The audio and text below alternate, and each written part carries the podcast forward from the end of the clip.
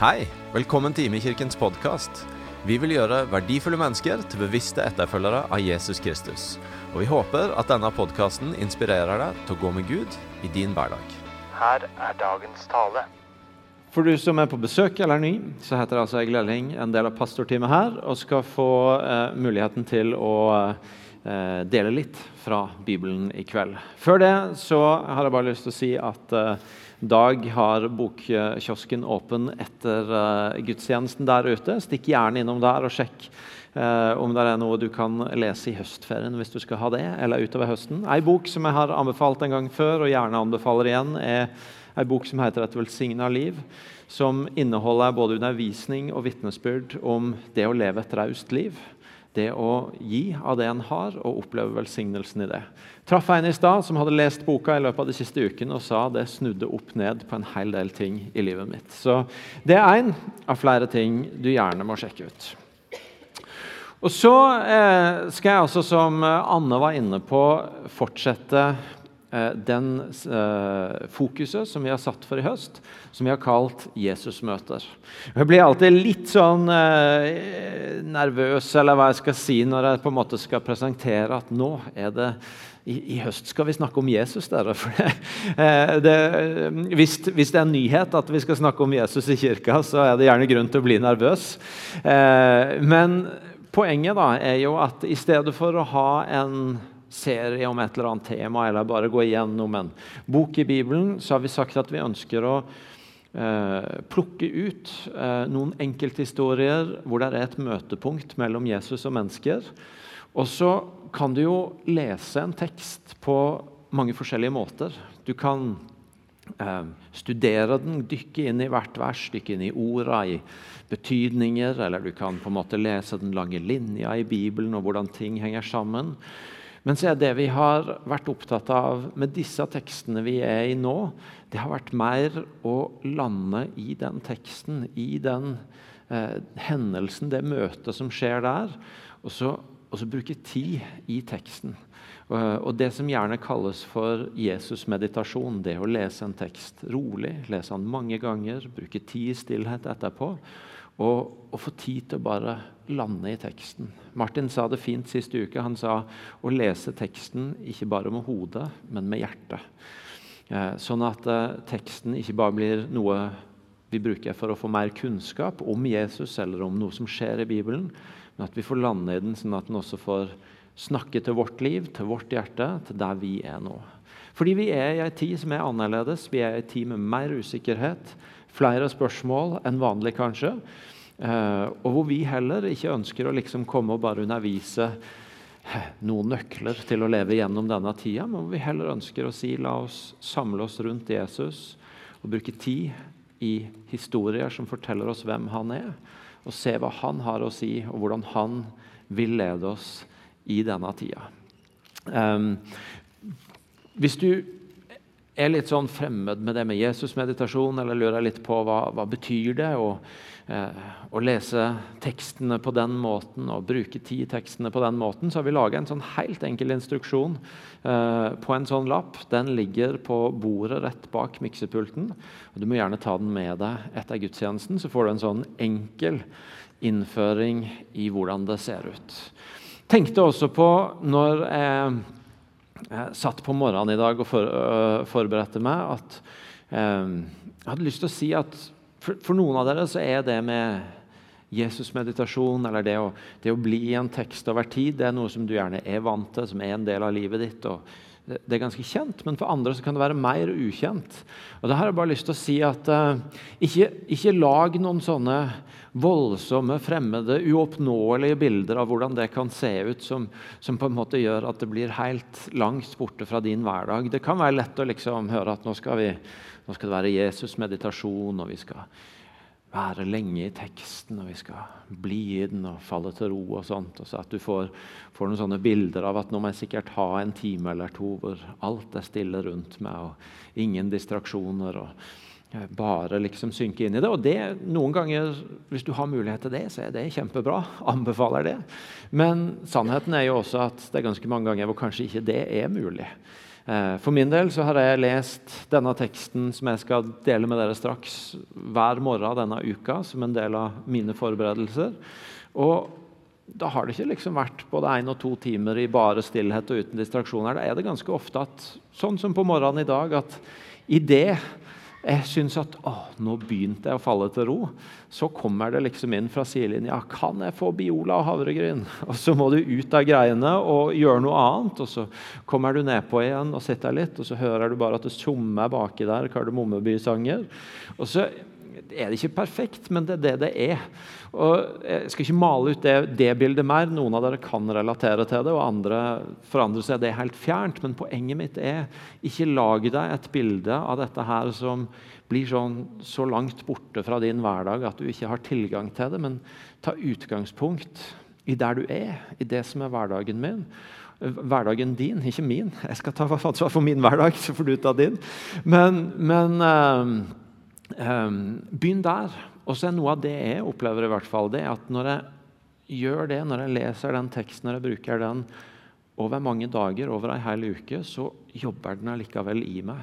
Og Den dukker opp på ulike punkt, og det vokser på seg over tid. Så bare en liten oppmuntring til å tørre å nærme deg det. Ikke legg lista for høyt, ikke plasser den for langt unna. men eh, men, men, ta utgangspunkt i det som er din hverdag, og gå inn i tekstene. Så har vi sagt at vi ønsker å forkynne med basis i at vi har levd i, vi som forkynner har levd sånn i teksten den uka som leder opp til søndagen. Og så er ikke talen punktum, men den er forhåpentligvis et startpunkt for at du i uka som kommer, vil bruke tid å være i teksten.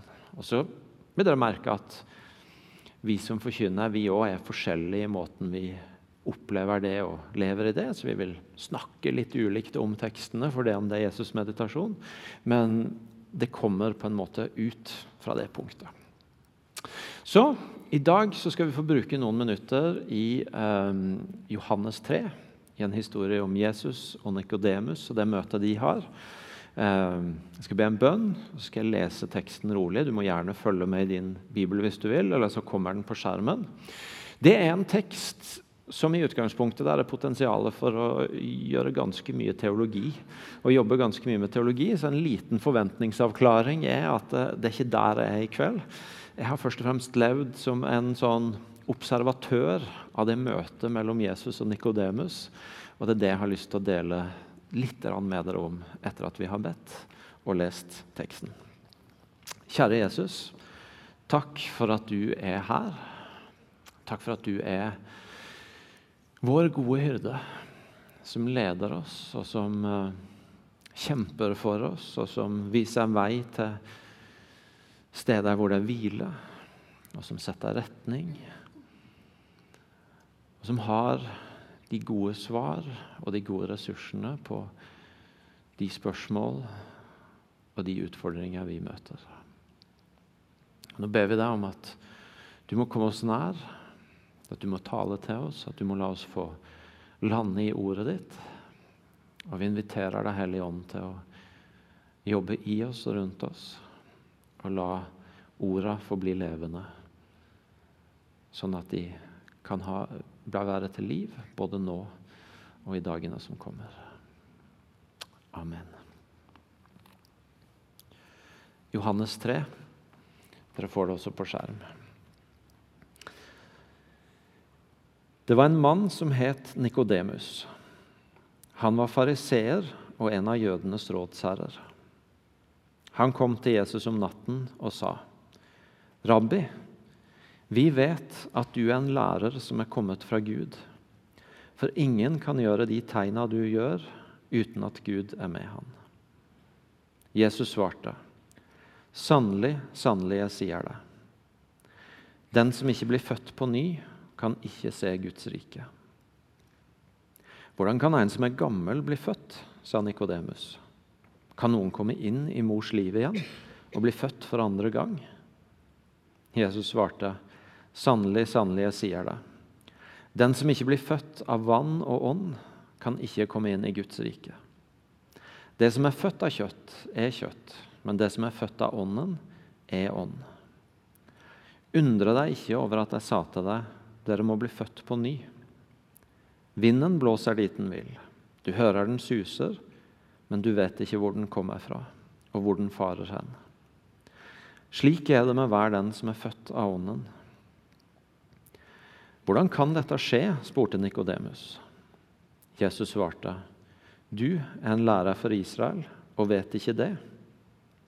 Sannelig, sannelig, jeg sier det. Vi taler om det vi vet, og vitner om det vi har sett. Men dere tar ikke imot vårt vitneutsagn. Hvis dere ikke tror når jeg taler til dere om det jordiske, hvordan kan dere da tro når jeg taler om det himmelske? Ingen annen er steget opp til himmelen enn han som er steget ned fra himmelen, menneskesønnen som er i himmelen. Og slik Moses løfta opp slangen i ørkenen, slik må menneskesønnen bli løfta opp, for at hver den som tror på Han, skal ha evig liv. For så høyt har Gud elska verden, at han ga sin sønn den enbårne, for at hver den som tror på Han, ikke skal gå fortapt, men ha evig liv. Gud sendte ikke sin sønn til verden for å dømme verden, men for at verden skulle bli frelst ved Han. Den som tror på Han, blir ikke dømt. Den som ikke tror, er allerede dømt fordi han ikke har trodd på Guds enbårne sønns navn. Og dette er dommen. Lyset er kommet til verden, men menneskene elska mørket høyere enn lyset fordi deres gjerninger var onde. For den som gjør det onde, hater lyset og kommer ikke til lyset, for at hans gjerninger ikke skal bli avslørt. Men den som følger sannheten, kommer til lyset, så det skal bli klart at hans gjerninger er gjort i Gud. Vi møter Nikodemus, en mann som Han blir ikke veldig mye presentert. Det er ikke sånn at vi får vite masse om hvem han er, hvordan han så ut. Men det står at han var fariseer og en av jødenes rådsherrer. Og Av det så kan vi i hvert fall forstå at han antagelig var ganske kunnskapsrik. Han hadde innsikt i Skriftene. Han hadde forståelse for det som hadde med jødenes religion og tro å gjøre. Han, han var en mann som kunne mye, og som hadde innsikt. Og så hadde han posisjon. Og av det så kan vi regne med at han var en mann av innflytelse. Gjerne også en mann med noe makt. En, en som hadde betydning. En mann med kunnskap, en mann med innflytelse. Og Så står det at han kommer til Jesus om natta. Og Det står egentlig heller ikke så mye om hvorfor han kommer på natta. Det som er vanlig og ofte, som ofte har blitt sagt, er at han kom til Jesus om natta fordi han ikke ville bli sett. At han sneik seg litt inn, inn til Jesus for at ikke andre skulle se det. Og underforstått at han han var nysgjerrig på Jesus, men, men, han hadde ikke lyst til at ryktene skulle gå om at han, med hans posisjon og med, med hans stilling, skulle, skulle, bli sett som en som oppsøkte Jesus. Og det kan godt hende at det er sånn det var, men vi vet ikke. Teksten sier ikke veldig tydelig det, om, han, om det var derfor, eller om det var fordi det var på kveldene han hadde best tid til å oppsøke Jesus. eller om han hadde hørt at Jesus gjerne var mest tilgjengelig, lettest å få i tale i en kveldstime. Vi vet ikke. Det vi vet, er at det kommer en mann av kunnskap av innflytelse. Han kommer etter mørkets frembrudd, gjerne når det er litt begynt å bli stille i gatene, stille, stille rundt dem. Og så oppsøker han Jesus, og så får de to et møtepunkt. Og Det er det første som har tatt tak i meg når jeg har holdt på med denne teksten denne uka. Det er det at Jesus var tilgjengelig for Nikodemus. Jesus lot seg besøke, han lot seg avbryte eller forstyrre. Han, han var tilgjengelig. Vi vet jo ikke alt om hvordan Jesus brukte å innrette kveldene sine heller, om han, om han var en liten natterangler sjøl som eh, likte å sitte oppe, som gjerne likte å sitte og prate med folk utover i de seine timer. Vi leser noen steder at han gjerne sto tidlig opp og gikk for seg sjøl for å be. Så, så det, det, vet vi om han, men, eh, men, men, vi vet ikke helt i hvilken grad Hvem vet? Hadde Jesus fått et hint fra Den hellige ånd om at noen var, var underveis? Eller, eller ble han bare avbrutt, forstyrra? Men det vi ser, er at han var tilgjengelig. Han lot seg forstyrre. Og Det kan hende at det har noe med min personlighet å gjøre. At det er noe av det første som møter meg og tar tak i meg. fordi jeg er ikke verdens mest fleksible person. Eh, og der er vi forskjellige som typer. Jeg tenker at eh, Planer legger vi jo fordi vi skal gjennomføre de. Og eh, jeg liker også godt å få lagt meg om kvelden og ha mine beste timer om morgenen. og jeg er såpass høflig at jeg tror nok hvis Nikodemus hadde kommet på døra mi, at jeg hadde tatt han imot, men jeg hadde antagelig sittet og tenkt på når jeg kunne få lov til å legge meg mens han prata. Eh, og kanskje kjenner noen av dere dere igjen i det. Kanskje er andre mer eh, sånne som syns det er kjempespennende når noe dukker opp, eller når noen bare kommer. Men det er i hvert fall noe der, da. I det å la seg forstyrre, la seg avbryte, være tilgjengelig. Eh, ikke bare være i sin egen retning, men, men, ha en type tilgjengelighet. I den siste tida har det vært i en god del samtaler hvor, hvor vi har snakka en del om dette med at vi trenger å hjelpe hverandre med det som handler om å være frimodige på å snakke om tro. Det å, eh, det å tørre på de arenaene vi er på, enten det er på jobben, eller i nabolaget eller i vennegjengen, eller kanskje til og med i egen familie, hvor, hvor vi har mennesker rundt oss som, som ikke kjenner Jesus. og at vi, vi, trenger på ulike måter å hjelpe hverandre til å, til å, tørre en frimodighet, til å tørre samtalene, til å tørre å, å, bringe tro og Jesus på banen. Og Det tror jeg virkelig på. Jeg, jeg, tror jeg trenger det. Jeg tror mange av oss trenger å snakke og hjelpe hverandre til å finne fram til en frimodighet som gjør at vi litt oftere våger oss utpå, eller tør å legge på bordet noe av det som er vårt hjerte, det som vi bygger livet på, det som vi er sammen om når vi, når vi kommer til kirke. Men så er det òg noe med det at det er ikke alle de viktigste samtalene om tro som kommer fordi vi initierer dem. Men noen av dem kommer fordi vi var tilgjengelige. Fordi vi lot oss forstyrre, fordi vi hadde tid idet alle var på vei til å gå fra kontoret. I hvert fall hvis du er på en litt annen arbeidsplass enn det er. Da, for her, her, tror de fleste. Men jeg har snakka med en del av dere som forteller om noen av de pratene som kan oppstå når en har tid til å sitte igjen litt ekstra.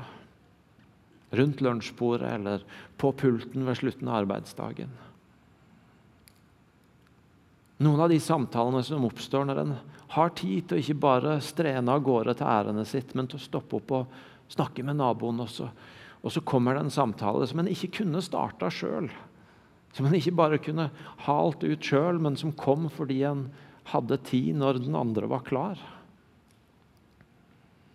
Og Når vi ønsker en frimodighet på tro, så er den ene sida av det at vi gjerne av og til må øve oss i å være hakket mer frampå og frimodige. Men, men, den andre sida av det er å, å, rett og slett ha tid og være forstyrrbar. og å ha en fleksibilitet med oss på at noen ganger så er det som skjer nå, viktigere enn det jeg hadde tenkt skulle skje straks. Og la seg avbryte av det. Vi har et par ganger her på huset hatt besøk av Heidi Baker. og Hun, hun, hun er blitt kjent bl.a. for den frasen om å stoppe for den ene. Og eh, Jeg har snakka med folk som kjenner hun og er rundt henne. Og hun lever virkelig det hun lærer. Hun er sånn som som er villig til å stoppe for de fleste hun møter i sin vei. Og en del av de rundt henne som har lagt planer med henne og skal prøve å ha henne med seg et sted, syns det kan være forferdelig frustrerende noen ganger når det, når det tar en evighet å komme fra A til B. Og vi må jo finne ut hvor på den Men jeg har kanskje antyda at jeg kan ha en hang mot andre sida av skalaen i forhold til henne. Vi må jo finne ut sjøl hvor, hvor på den skalaen. Kanskje er det en del av oss som kan La oss strekke litt mot tilgjengelighet, mot forstyrrbarhet, mot at ikke alt vi hadde planlagt, alltid er det viktigste. Men at det er i de øyeblikka at det kan oppstå noe som vi ikke kunne skapt i vår frimodighet. Og så er Det også noe i det møtet hvor Jesus er tilgjengelig, hvor jeg tenker at, at det er en ting, det, det foregår noe på overflata, og så foregår det noe under overflata. For hvis hvordan hadde dette møtet vært hvis Jesus og Nikodemus hadde møttes på høylys dag på en offentlig plass? Nikodemus er fariseer og skriftlærd og, og, en del av rådet, en rådsherre. Og, og, og, vi vet, og, enda mye tydeligere spiller det seg ut senere i evangeliet, at, at Jesus og fariseerne går i klinsj. De står i utgangspunktet imot hverandre. I utgangspunktet så, så kan det virke som at Jesus og Nikodemus ikke har så mye å snakke om. Fordi de, de står imot hverandre. Jesus blir sett på som en trussel. Og, og Jesus kan også sjøl være rimelig konfronterende i sine ord mot de. Så på overflata så kan det se ut som, som dette er to som mer er satt opp for en klinsj, for en krasj, for å ikke få så god samtale. Men under overflata, når byen har stilla seg, når mørket har brutt fram, når de får sitte ned og møtes én til én, så er det en helt annen samtale som oppstår. Og Vi lever i Norge i 2020 hvor på overflata så presenteres vi for ganske mange historier om at folk rundt oss er ikke så interessert i Gud lenger. At Jesus ikke er så relevant. Senest denne uka så har det vært litt skriverier og greier rundt Sånn er Norge-programmet til Harald Eia, hvor han har forklart det at nordmenn tror mindre på Gud med Eh, med at vi har det så bra at vi, vi, opplever ikke å trenge Gud. Og Når jeg bringer det opp nå, så er, ikke, eh, så er ikke poenget mitt å polemisere mot han, eller det, for han bruker jeg bare de tallene som fins. Men poenget mitt er at der er en sånn samtale over overflata som, som, som, forteller oss ganske mye om at det vi tror på, ikke er så interessant for folk rundt oss. Men så skjer det også noe annet under overflata. Der kommer det ganske mange historier om at oi, der er en del folk en, en gjerne tenkte at ikke var så interessert i Gud, som var der likevel. At det er folk som kommer til tro, som har møter med Gud.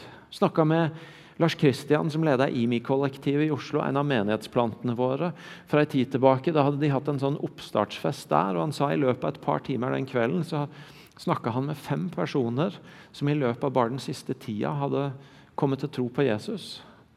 Noen av de gjennom En av de rett og slett bare hadde hatt et møte med Jesus ute på tur i naturen. og Det hadde leda han til å oppsøke noen som kjente Jesus som menighet.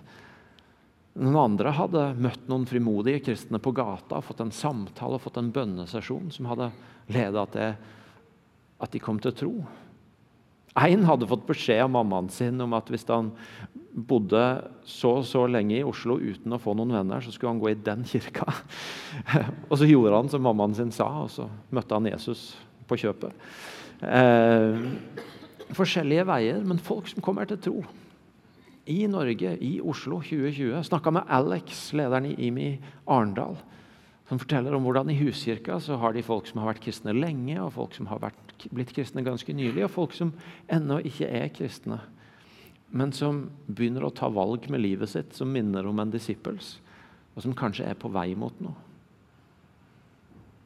Og så kunne han fortsette å fortelle historier. Poenget mitt er hvis jeg bare mater meg med de historiene fra overflata, så merker jeg hvordan min frimodighet og min tro på at det jeg har å bringe, er interessant for verden rundt meg, for mine naboer, for de jeg treffer på ulike arenaer, den synker. Så jeg trenger å lytte inn på historien under overflata. Jeg trenger å lytte inn på sånne Nikodemus-møter. Jeg trenger å høre historien om, om, de som ble kristne rundt den menigheten i Oslo. Jeg trenger å høre noen av fortellingene dere kommer med om eh, om, om spennende trossamtaler dere har på jobb. Jeg trenger å høre den SMS-en som ble lest for meg denne uka fra ei i denne kirka, som hadde fått lede noen til tro. Jeg trenger å høre de historiene som skjer under overflata, akkurat som det var en annen samtale om forholdet mellom Jesus og Nikodemus når de møttes alene på kvelden, enn det kanskje ville vært om det skulle skjedd med fullt flomlys på i det offentlige på dagen. Der er noe med å være tilgjengelig, og der er noe med hvilke historier som får rom, og som får lov til å bygge tro i oss.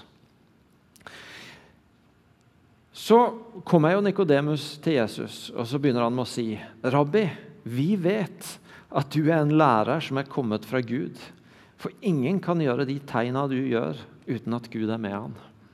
Og eh, I starten av uka når jeg leste denne teksten, så, så var bare noe av det som begynte å ta tak i meg med en gang, det var kjære vene Nikodemus. Her, her, møter du Jesus sjøl, Guds sønn, en som har gjort store under, og som har denne undervisninga. Og det du begynner med, det er å fortelle om alt du veit. Vi veit.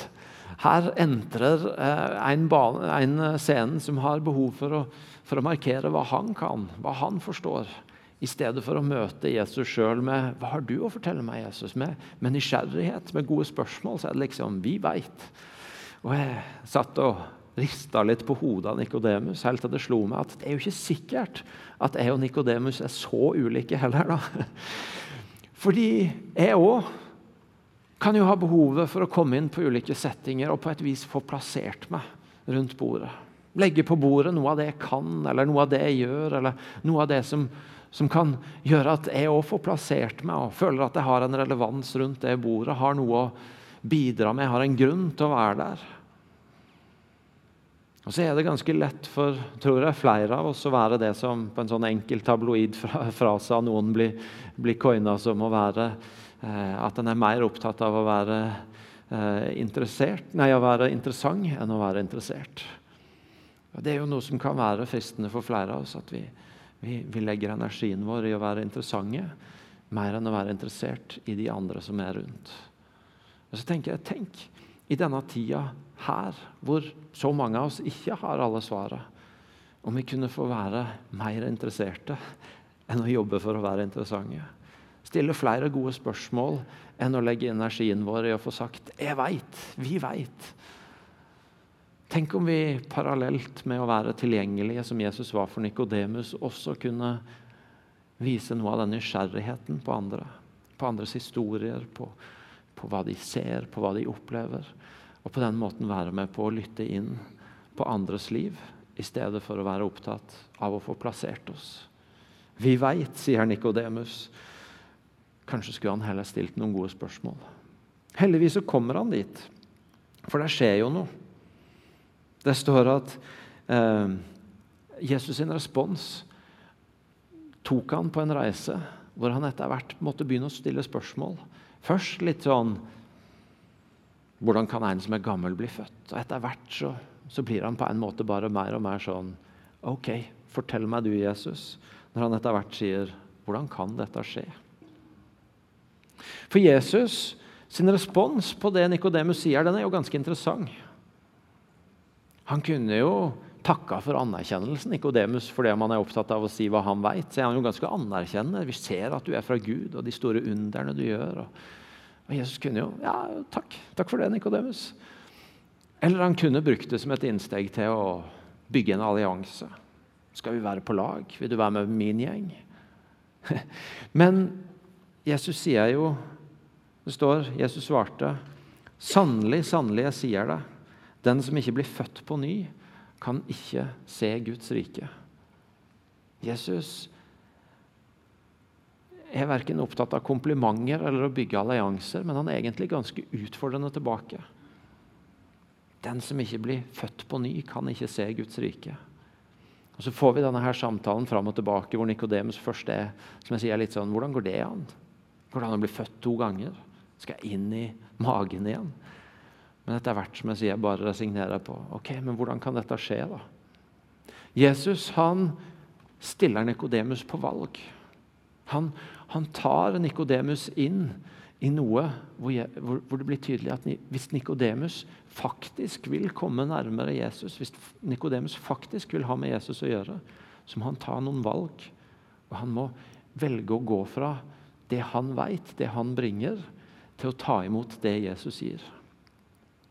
Og Dette er noe som min erfaring er at det er ganske gjenkjennbart. Nemlig at hvis du, hvis du velger å være rundt Jesus, hvis du på et eller annet vis tenker at Jesus er interessant, han er spennende, han har noe godt å gi, han har gjerne svar på noen spørsmål jeg har, han kan møte noen lengsler, så kan du være rundt Jesus en stund. Du kan, du kan la deg inspirere, du kan oppleve gode ting, men på et eller annet punkt så, kommer du, så blir du stilt på et valg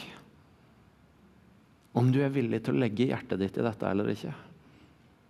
Om du er villig til å slippe noe av det du holder i, for å gi deg til den virkeligheten Jesus presenterer. Jeg husker Stefan, som hadde tenkt at det var noe spennende med Jesus siden han var ganske liten, men som også hadde tenkt at han kom sikkert aldri til å kunne bli en kristen. Og Så ble han kjæreste ei som var kristen, og så begynte han å vanke rundt. Han ble en del av ei huskirke. Han begynte å vanke rundt kirka her. Han, etter hvert så begynte han å bli involvert nede på IMI-gjengen. Og Han beskrev sjøl det å komme inn i det kristne fellesskapet, det å komme inn i menigheten, som å komme ut av flyet i Syden. Han opplevde en sånn varme, en sånn tiltrekning. Han opplevde masse av det der gode som en kan oppleve rundt Jesus. Og Så kom det til et punkt på en dag på Åpen himmel sommerfestival hvor han kjente at nå var tida inne for å ta et valg. og Han gikk til nattvær og, og kom tilbake og bekjente for de rundt seg at jeg, jeg har tatt et valg. Nå tror jeg jeg har tatt imot. Og så har han fått gå en vei med Jesus. Nå er de flytta, og de er ikke en del av kirka her lenger, men han jobber som trosopplærer i en menighet litt lenger vest.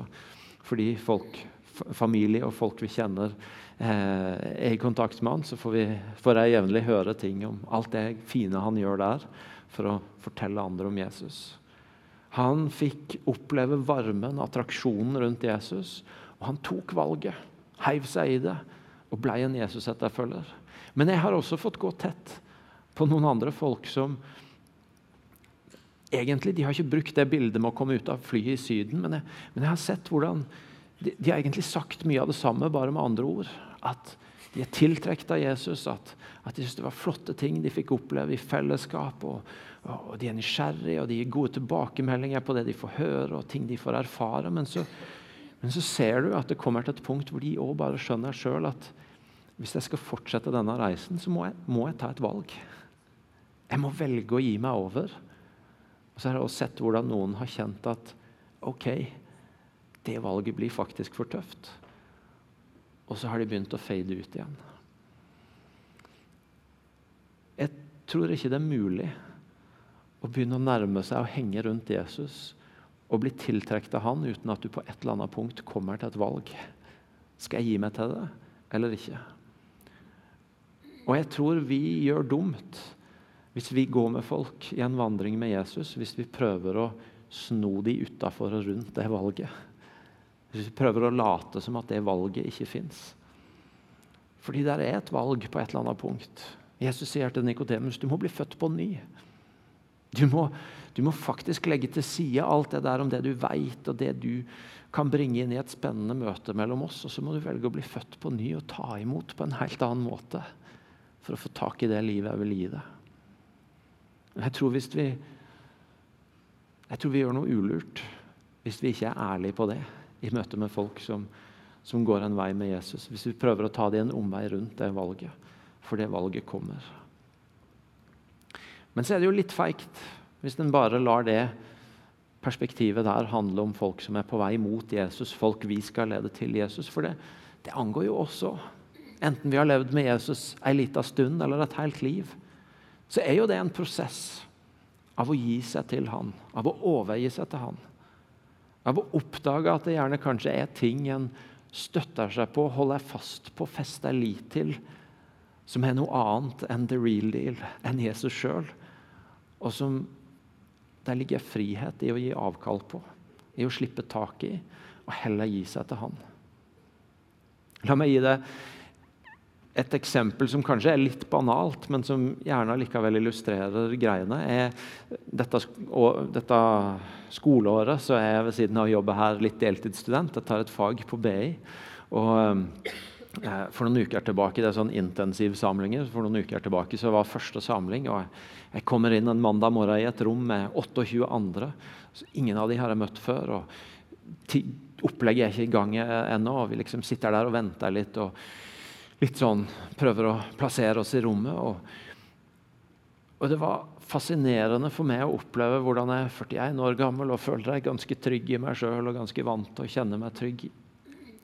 Og oppdage hvor mye trygghet jeg egentlig har i å til daglig være i et miljø hvor mange kjenner meg, hvor jeg har mine roller, hvor, hvor jeg på en måte har min plass. Og, og, så plutselig så står du der uten noe av det, og så kjenner du at oi, nå var jeg jammen litt naken, gitt. Nå kjente jeg meg litt naken. Og så går jo det bra, og du kommer deg forbi det, men poenget, illustrasjonen, ikke sant, er at jeg tror gjerne det er en del ting som vi i det daglige ikke tenker over at vi lener oss på, finner trygghet i, men som du kanskje kommer til et punkt hvor du merker at oi, her er det noe jeg utfordres på å gi slipp på. På å legge til side en trygghet jeg har funnet et annet sted. Og så er det neste steg i å gi hele livet sitt til han som vi har sagt ja til å følge. Og Det kan være forskjellige ting. Det kan handle om penger, det kan handle om relasjoner, det kan handle om valg, det kan handle om små ting av lydighet i hverdagen. Men jeg tror vi lever i et langt kall til å overgi livet vårt til Jesus. Og jeg tror ikke vi skal bare la det valget, det møtepunktet, den overgivelsen, handle om de som er nye i møte med Han. Men jeg tror vi skal la oss utfordre av Jesus. Hva er, hva er neste skritt for meg i en overgivelse til deg? Hva er det du kaller meg til akkurat nå å gi slipp på? Kanskje har denne tida av usikkerhet og, og annerledeshet eksponert deg for noen ting som du har festa lit til, og hvor noe av kontrollen er blitt tatt bort. Og så er det kanskje en invitasjon til å overgi enda en, en ting, enda et område av livet til Jesus. Og da er Og nå går tida fort, så jeg får være rask, men da er vi jo nettopp inne i noe av det som er høydepunktet i, det, i, i dette avsnittet, og i det Jesus sier til Nikodemus. Det er et av de aller mest kjente versene i hele Bibelen. For så høyt har Gud elska verden, at han ga sin sønn den enbårne, for at hver den som tror på han, ikke skal gå fortapt, men ha evig liv. For så høyt har Gud elska.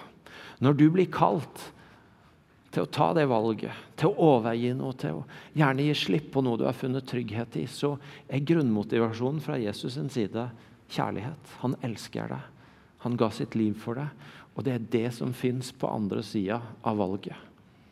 Og så fortsetter han i vers 17, som jeg tenker er den litt sånn forsømte lillebroren til Johannes 3, 16, for det er nesten like flott, det som står her.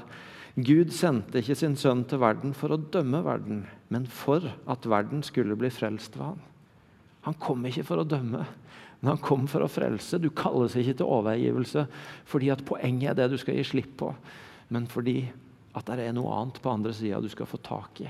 Nikodemus tas fra det han er opptatt av at han bringer til bordet, til det han får lov til å ta imot av han som er verdens frelser.